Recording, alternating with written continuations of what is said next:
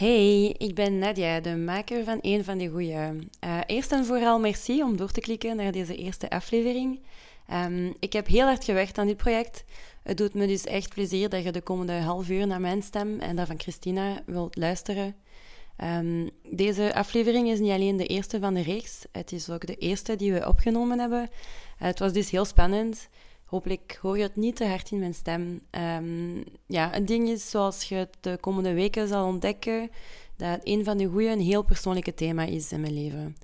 Ik heb zelf heel veel geworsteld met mijn identiteit. Ik ben nog dagelijks aan het ontdekken hoe hard mijn achtergrond mij heeft gevormd, uh, mijn angsten, mijn eisen, mijn waarden, etc. Deze reeks maken is een moeilijk proces geweest waar ik me heel kwetsbaar heb moeten opstellen en waar ik mijn eigen valkuilen vaak ben tegengekomen. Maar ik hoop dat je er iets aan hebt, uh, dat je jezelf misschien herkent in mijn ervaringen of die van mijn acht gasten, of dat je net nieuwe perspectieven krijgt. Um, ja, oké. Nu ben ik echt weg en laat ik jou genieten van het gesprek. Bye!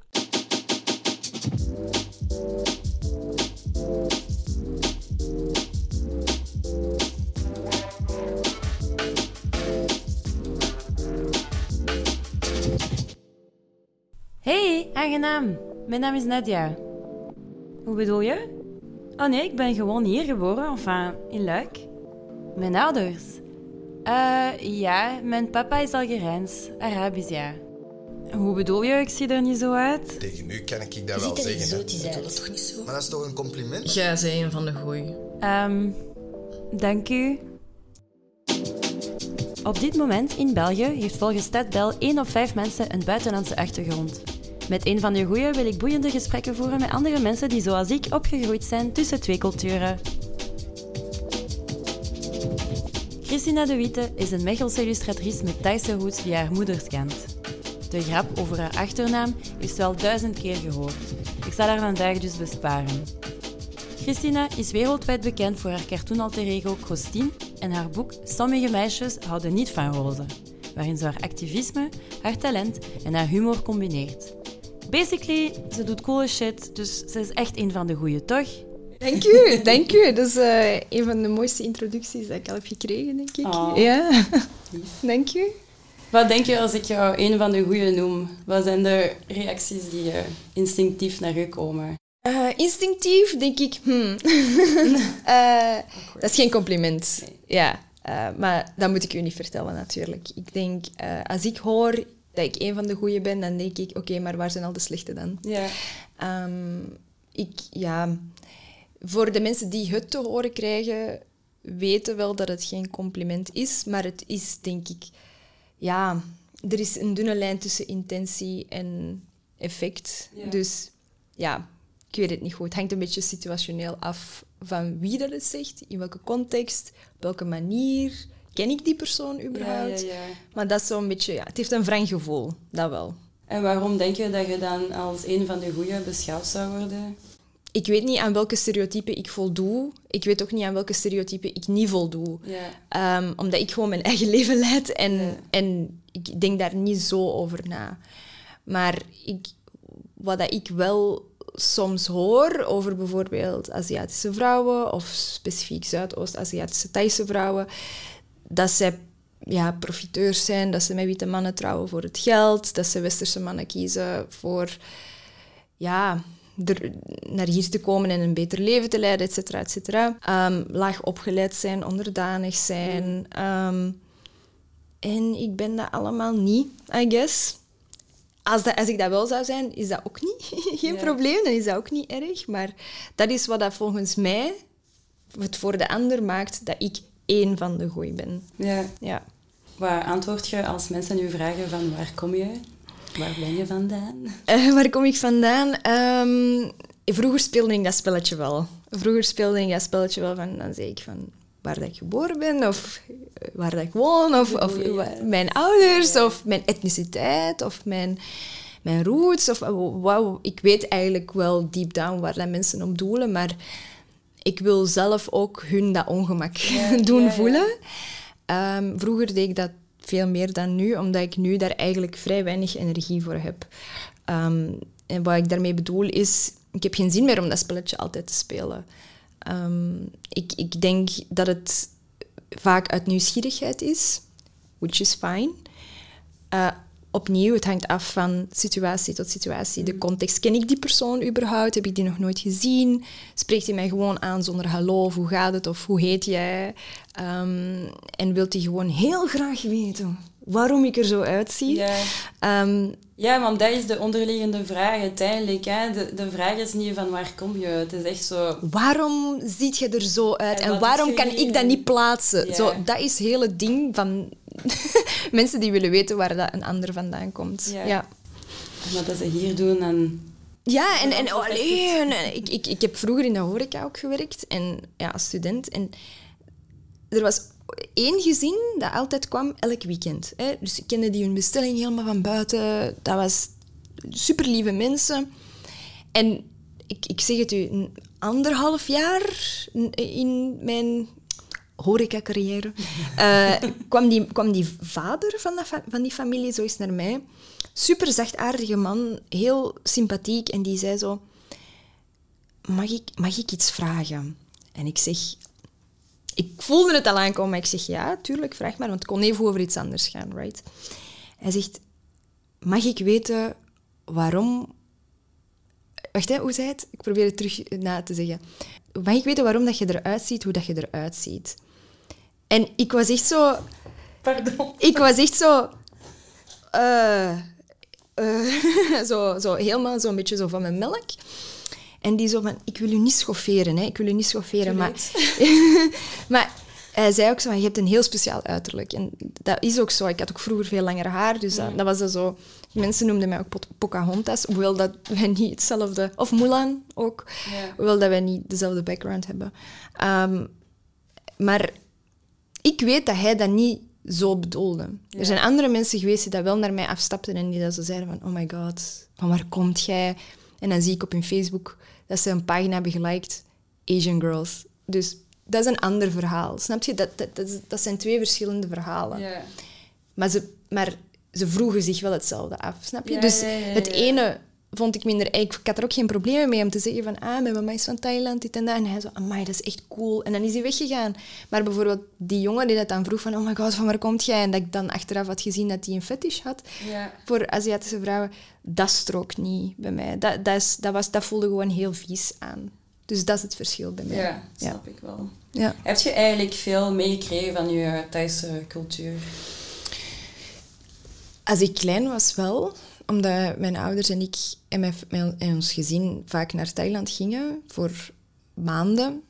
Um, daarna zijn mijn ouders gescheiden, dus dan verloor ik dat contact ook met mijn roots, met mijn land van herkomst, zeg maar.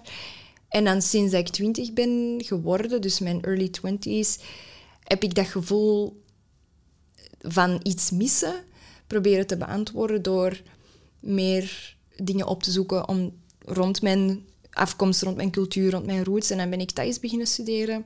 En in die twee jaar, dus ik ben in 2020 begonnen, in die twee jaar dat ik dan Thais heb gestudeerd, heb ik veel meer geleerd over mijn eigen cultuur dan in al de jaren ervoor. Ja, um, alleen dan... Ja, zelfstudie, reizen, alleen gaan naar daar ook, om dat op een, op een, andere manier te ontdekken. Um, ik, heb, ik voel een hele sterke drang om ergens bij te horen en ik weet dat dat nooit hier gaat zijn, maar ik weet ook dat dat nooit daar gaat zijn. Dus waar dat, dat is, dat weet ik nog niet, maar ik, ik voel een hele sterke drang om, om mezelf te ontdekken op die manier en op die vlakken. En tot nu toe lukt dat wel, maar dat is wel ook heel confronterend heel vaak, ook heel verwarrend, ook heel vaak. Ehm, want andere mensen gaan je nooit aanschouwen als één van hen. En dat is wat het zo complex maakt. Ja, ja. ja maar zeker als mixed persoon je ziet er ja, zo ambigu uit of zo. Mhm. En mensen kunnen niet plaatsen. En bij de Thaise, of in mijn geval bij de. Algerijnen en bij de Belgen. En dat is zo... Je kunt je best doen om in een of andere hokje te passen, maar je, mhm. je, weet ook van jezelf dat je wilt daar ook niet echt passen. En ik wil dat eigenlijk niet meer. Of dat hoeft niet, hè? Ja.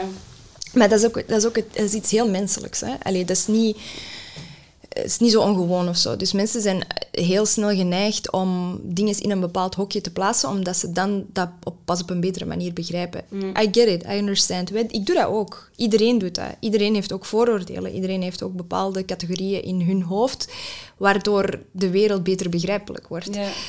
Maar met mensen zoals wij, of mensen die inderdaad een, een, een ambigu uiterlijk hebben, dat clasht. Dus ja, dat, dat werkt niet. Er, er, is geen, er is geen schuif, er is niet één mapje waarin wij passen, want we zijn zo gelaagd en onze identiteit is zo als een ajuin, zo gelaagd. Dat gaat gewoon niet in één mapje. En misschien moeten we maar gewoon meerdere mapjes maken. Ja. Ja, een mapje met één persoon erin. Mhm. En dat is, dat, dat is dan die persoon in zijn geheel. Ja. En dat is ook goed. Dat hoeft niet per se in, ah ja, en zij past in het mapje van Algerije. Ah ja, zij, ja, in Thijs, ja, en zij in het. Nee, dat, dat, dat hoeft niet meer, denk ik. Zeker met de diverse samenleving waarin we vandaag leven. En hoe identificeer je dan zelf als je jezelf wilt... Om het gemakkelijk te maken, zeg ik gewoon dat ik een Belgische ben met Thaise roots, omdat ik nu eenmaal hier woon. Ja. Ik ben hier opgegroeid voor het grootste deel. Ik heb, mijn moedertaal is Nederlands. Ja. Ook al vind ik wel het belangrijk dat ik ook mijn, mijn Thais zo goed mogelijk onderhoud. Ehm, maar ik ben effectief hier opgegroeid. Ja. Eh, mijn vrienden zijn ook hier, mijn familie is ook hier voor, voor een deel. Dus ik, ik aanschouw mezelf ook wel voor een deel als Belg. Maar niet alleen Ja. dat. En ik, ik, ik wil niet kiezen. Ik wil niet, Dat hoeft dat ook hoeft niet. ook niet, Nee. maar het is, het is weer dat hokjesdenken dat het, Ja. dat het zo moeilijk maakt. Maar mijn, als je vraagt naar mijn pas, zal er Belg op staan. Maar voel ik mij zo? Soms. Wanneer? Wanneer Soms- voelt je je heel België? Of heel Vlaming? Ik voel, mij heel, ik voel mij heel Belgisch als ik in een ander land ben en ik hoor andere Belgen. Ja? Dan denk ik zo, ah, mij.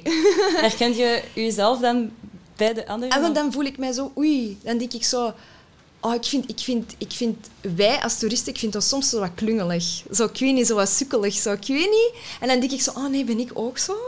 Ehm, Maar nee. maar ja, denk, ik, denk, ik denk altijd, nee, ik ben niet zoals alle andere toeristen. Maar dat is niet waar. Nee. Wij zijn even goed net zoals alle andere toeristen. Dus in dat opzicht denk ik, ah ja, dan ben ik nu eens echt een Belgische. Ja. Wij doen dezelfde dingen, we gaan dezelfde dingen bezoeken en zo. We doen dezelfde routes, we, we gaan op dezelfde plekken eten. Dus, I mean, als ik terugkom van, een, van Thailand bijvoorbeeld en Ja. ik kom naar hier en ik eet echt lekkere frieten, dan denk ik wel zo, mm, oké, dat moet ik ze wel geven. Ze kunnen goede frieten bakken. Dat zijn zo van die kleine dingetjes waarvan ik denk, oké, die, die dingen heb ik wel meegekregen. Ja. Ehm, maar voor de rest, dat gevoel gaat nooit 100% ingevuld raken, denk ik. Zijn er bepaalde dingen dat je doet of dat je kijkt of whatever die je terug dichter bij je hoes kunnen brengen? Bewust of onbewust, hè? Ja, ik, eh, ik ben momenteel bezig aan, een, aan, een, aan het illustreren van een kookboek. Van een Thais kookboek dat ik samen maak met mijn Thaise leerkracht. Ik heb een aanbod gekregen van mijn uitgeverij in New York om, om, een, om een soort kookboek te maken. En ik zei van, er bestaat nog geen Thais kookboek in dat format, graphic style. Dus dat leek echt right up my alley. En toen heb ik de vraag voorgelegd aan mijn Thaise leerkracht. Kijk, we splitten de pot.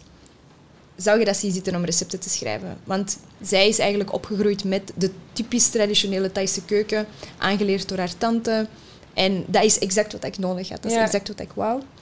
Zij is ook heel punctueel, heel ehm, structureel. En dat is echt een, een, een blessing om mee samen te werken.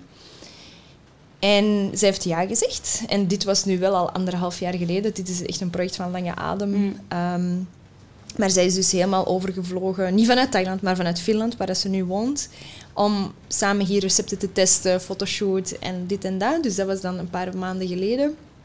Nu is het aan mij om die dingen te illustreren. En ik merk ook wel naarmate dat ik, hoe meer ik daarmee bezig ben, hoe dicht ik mij eigenlijk voel.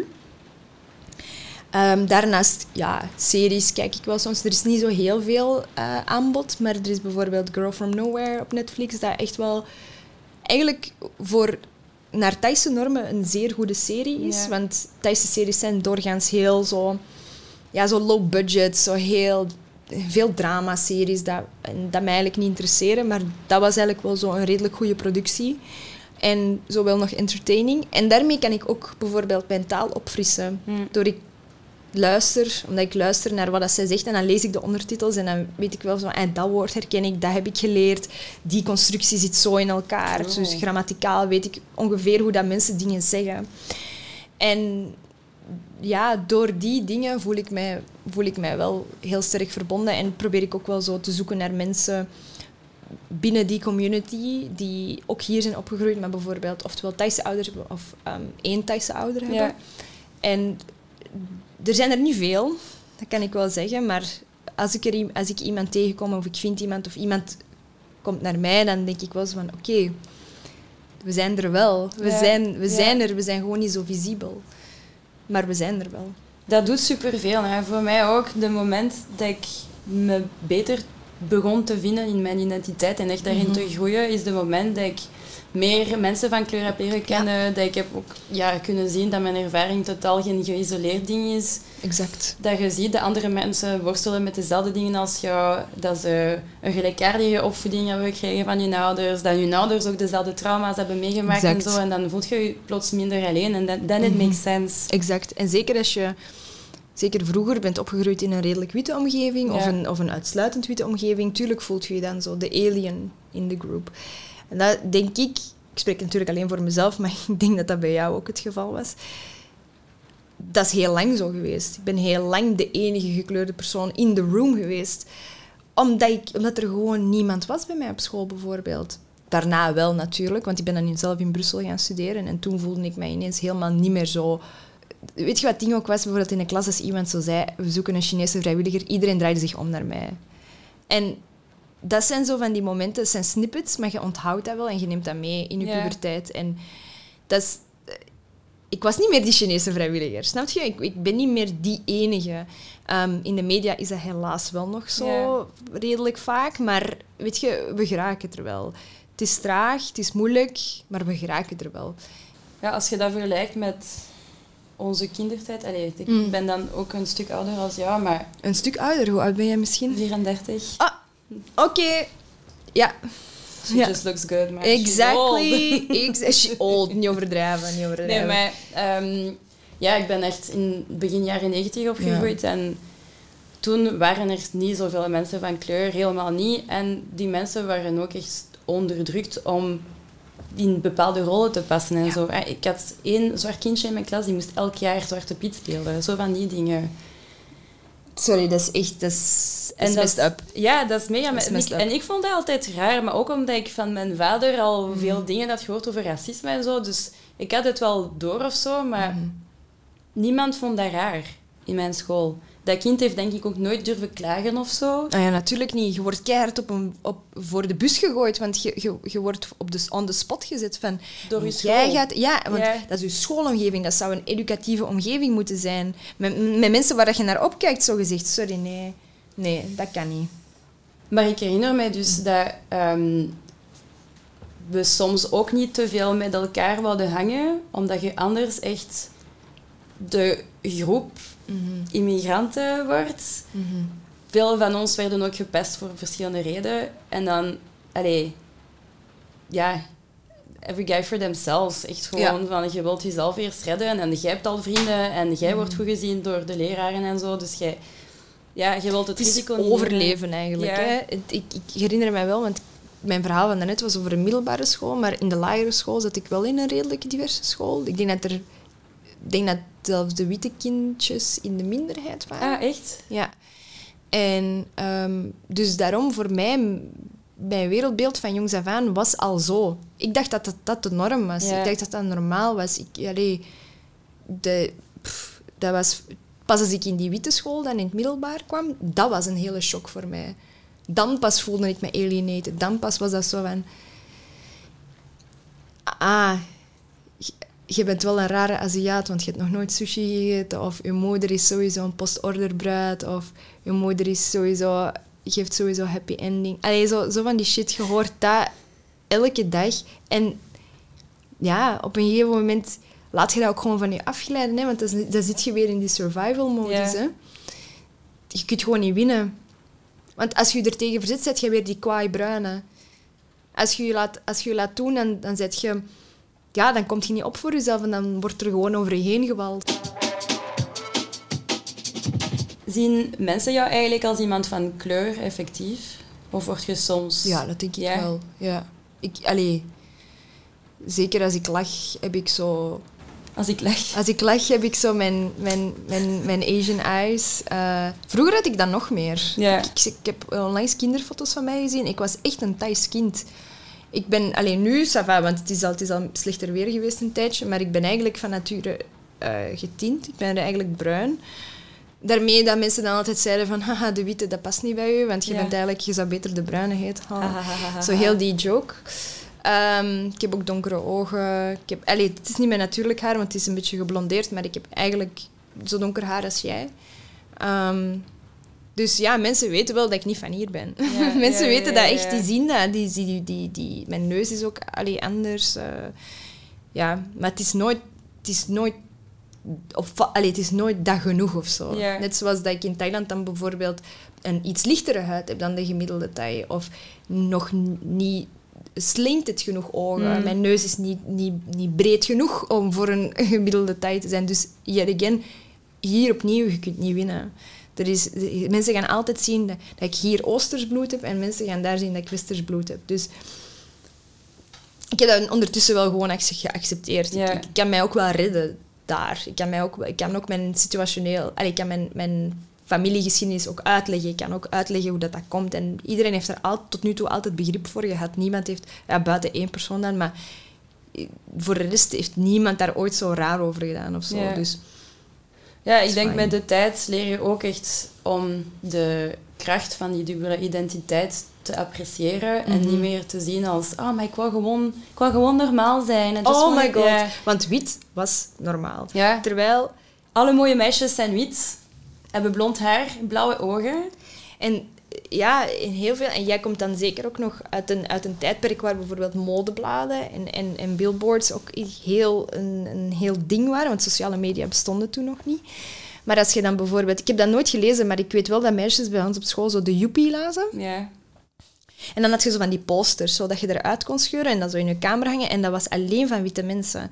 En ik weet niet, maar dat was zo het, de epitome van schoonheid. Ja. Want ja, de beauty standards, ik moet het je niet uitleggen, de beauty standards waren nu eenmaal slank, wit, blond, blauwe ogen. Ja. En I was none of that. Dus tuurlijk, allee, tuurlijk begint je daar ook op te hyperfixeren. En ik, ik heb, er zijn nachten geweest dat ik blijtend in slaap viel, omdat ik zoiets had van, waarom komt mijn papa niet gewoon met een witte vrouw trouwen? Sorry, als ik daar nu aan terugdenk, ik kots van mezelf, omdat ik zoiets heb van, ja, dat is die internalized racism, dat je aan het, aan het ontleren bent, want nu ben ik daar super trots op. Maar het heeft wel, het heeft wel 26 jaar gekost. Allee, dat, dat, is, dat is niet normaal, hè? Dat, is, dat, dat, kan, dat kan niet.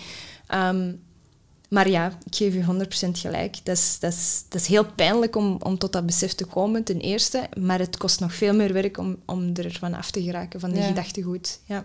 ja, ik heb ze soms ook nog steeds. Hè. Ik bedoel, allee, niet zo fel als vroeger, Mm. maar dat je soms ook denkt van... ik- ja, ik wou bijvoorbeeld altijd heel slank zijn. Dat was altijd mijn, mijn droom. Maar ik ga dat ook duidelijk nooit zijn. Nu ben ik ook echt content met mijn lichaam. Maar dat is ook door het feit dat, er, dat de beauty standards ook meer gevarieerd zijn, zal ik zeggen. Allee, niet dat ik Er is meer fan- ruimte. Ja, voilà. Ja. Ik ben geen mega fan Ja. van de BBL's en zo. Mm. Maar ik werd vroeger gepest voor mijn kont. En nu wil iedereen een dikke kont hebben. En dan like, Maar dat is het ding met trends. Hè. Je- eh, dingen waarvoor je bijvoorbeeld vroeger zou gepest geweest zijn, ik zeg maar iets, u wilde bos krullen bijvoorbeeld. Nu willen mensen een wilde bos krullen, Ja. bijvoorbeeld. Ja. Ik zeg maar iets. dikke wenkbrauwen. Zo die, die foxy eye trend. Die inderdaad dikke wenkbrauw. Of zo die foxy eye trend. Of waar, foto's waarbij de, de modellen zo doen. Ik werd daarvoor gepest hè, vroeger. Ja. Mensen noemen mij spleetogen en shit. Hè. Dus ik heb echt zoiets van... Doe dat niet. dat is echt gewoon niet fijn. Of doe, of doe dat wel, maar zorg er dan voor dat je kinderen... Of dat de kinderen, gewoon in general, er niet voor gepest worden. Zorg er gewoon voor dat diversiteit aanwezig is en dat je, dat je laat weten dat iedereen er mag zijn. Gewoon zo van, van jongs af aan al. En dat dat normaal is, dat er andere kinderen zijn die dan niet op u lijken. Want waarom moet iedereen op u lijken? Ja. Allee, It's boring. Oh, ja. En, maar ik, ik, ik, allee, ik zeg nu heel veel over school en zo, hè, maar school is zeker niet alleen de enige plek waar dat kinderen zich veilig eh, horen te voelen, maar ook thuis. Thuis, ik vind dat je thuis ook heel veel kunt doen daaraan en, Ja. en daarvoor. En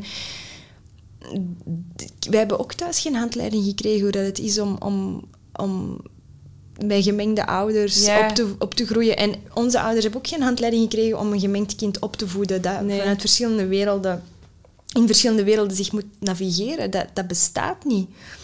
En Ja, dat is super moeilijk. Mijn moeder wist nooit hoe dat ze met mijn haar moest omgaan, bijvoorbeeld. Bijvoorbeeld. Mijn moeder heeft altijd mijn haar gevlochten en gekamd en zo. Mijn haar mocht je eigenlijk niet kammen. Mm. Maar ik ben daar twee jaar geleden beginnen... Allee, echt zo mijn krullen behandelen zoals het hoort. Maar ik heb dat nooit geleerd van iemand anders, omdat ik hier geen familie heb van Algerije.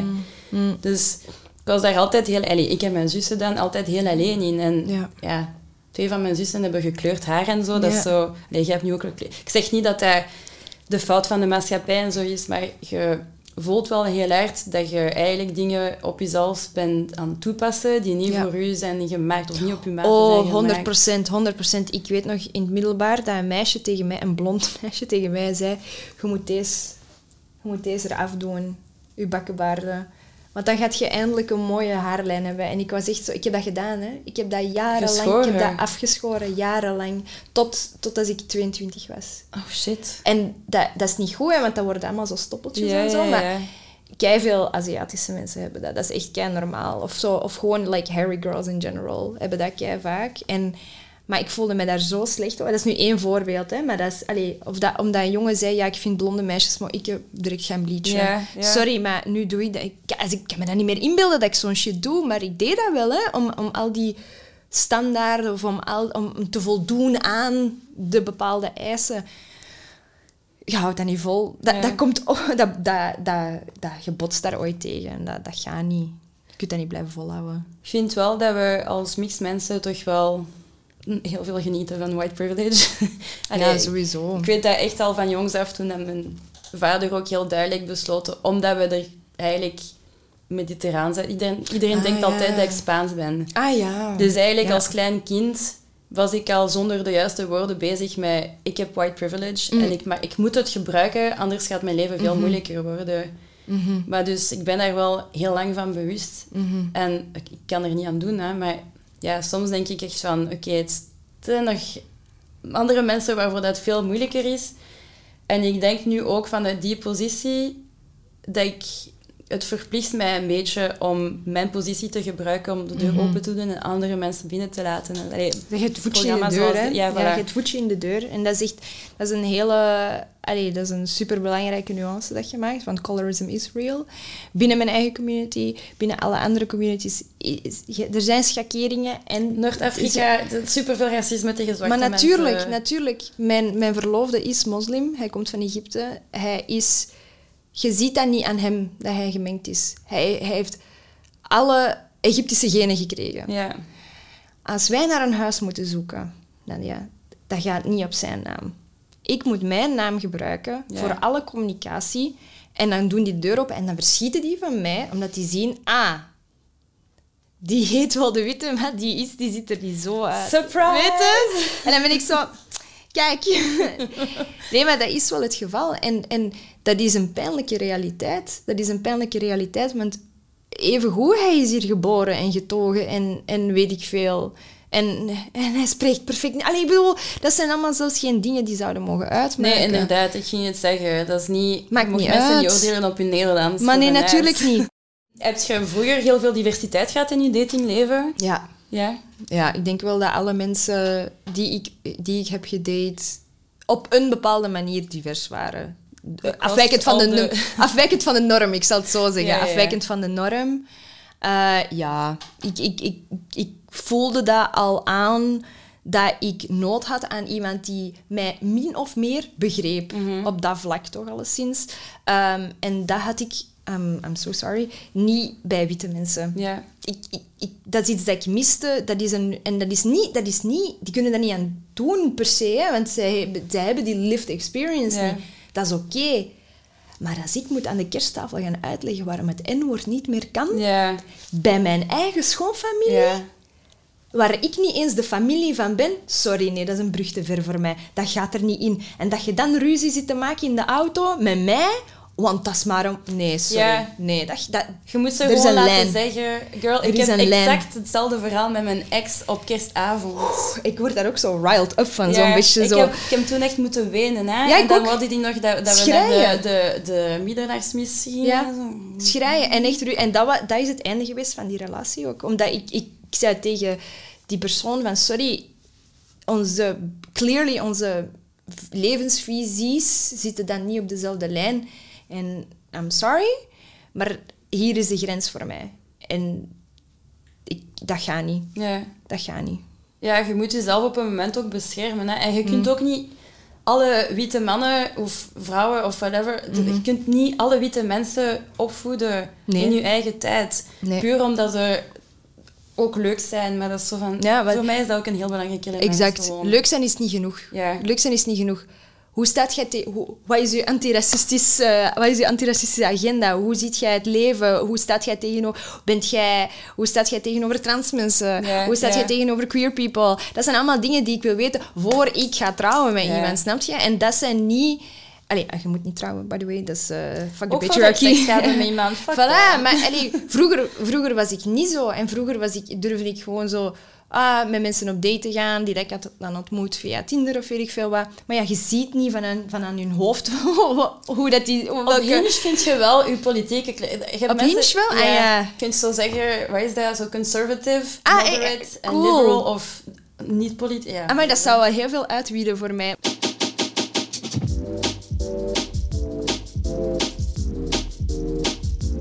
We gaan uh, een spelletjes Is afronden. Het Is is spelletjestijd. Spelletjestijd. Ehm, ja, we spelen vandaag There are 10 out of 10, but... eh, ik weet niet of dat je het Ja, ja, ja, spelletje ja. kent. There are ten, but... Dus Ja. ik ga jou vijf potentiële fictieve dates aanbieden, die eh, op eerste zicht een tien zijn, maar misschien toch niet. Je moet dat zelf oordelen. Ja. Alright. Hij is een 10 op 10, maar als hij eentje te veel heeft gedronken, zegt hij wel vaker: We mogen niks meer zeggen. Pff, nul. Nul? Direct. Direct. Alright. Die is een 10 op 10, maar deed alleen met Aziatische vrouwen. Oh. Nee. Twee. Twee. Twee punten voor being a 10 out of 10. Being a, being a fetishist. Ja. Eh, zij is een 10 op 10, maar ze ziet geen kleur. Ze is een tien, maar ze zegt ze ziet geen kleur. Hmm. Hmm, drie. Ze is een drie. Is nog, dat, vind, dat vind ik nog het minst erge van alles. Acceptabel. Ja. Oh. Ze is een 10 op 10, maar ze zegt eens tegen u... Je bent echt een mooie vrouw, zo exotisch. Ehm, hetzelfde drie. Zo hetzelfde niveau voor mij. Ja. Oké, laatste. Ja. Hij is een 10 op 10, maar hij postte een zwarte vierkant voor Blackout Tuesday. Hij is een tien op tien. Goh.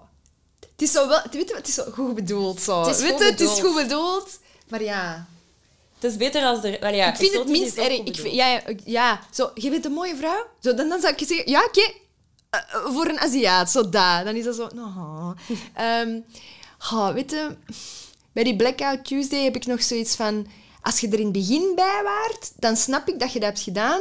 Maar nadat iedereen heeft gezegd van, pas op, niet doen. Het, alle informatie wordt eh, weggemoffeld hierdoor of, of ondergesneeuwd. Dan denk ik zo, hmm. Maar ik heb geen context, dus ik zou zeggen 4,5. Alright, Christina, merci om hier te zijn. Dank u om mij te hebben hier. Dank u wel.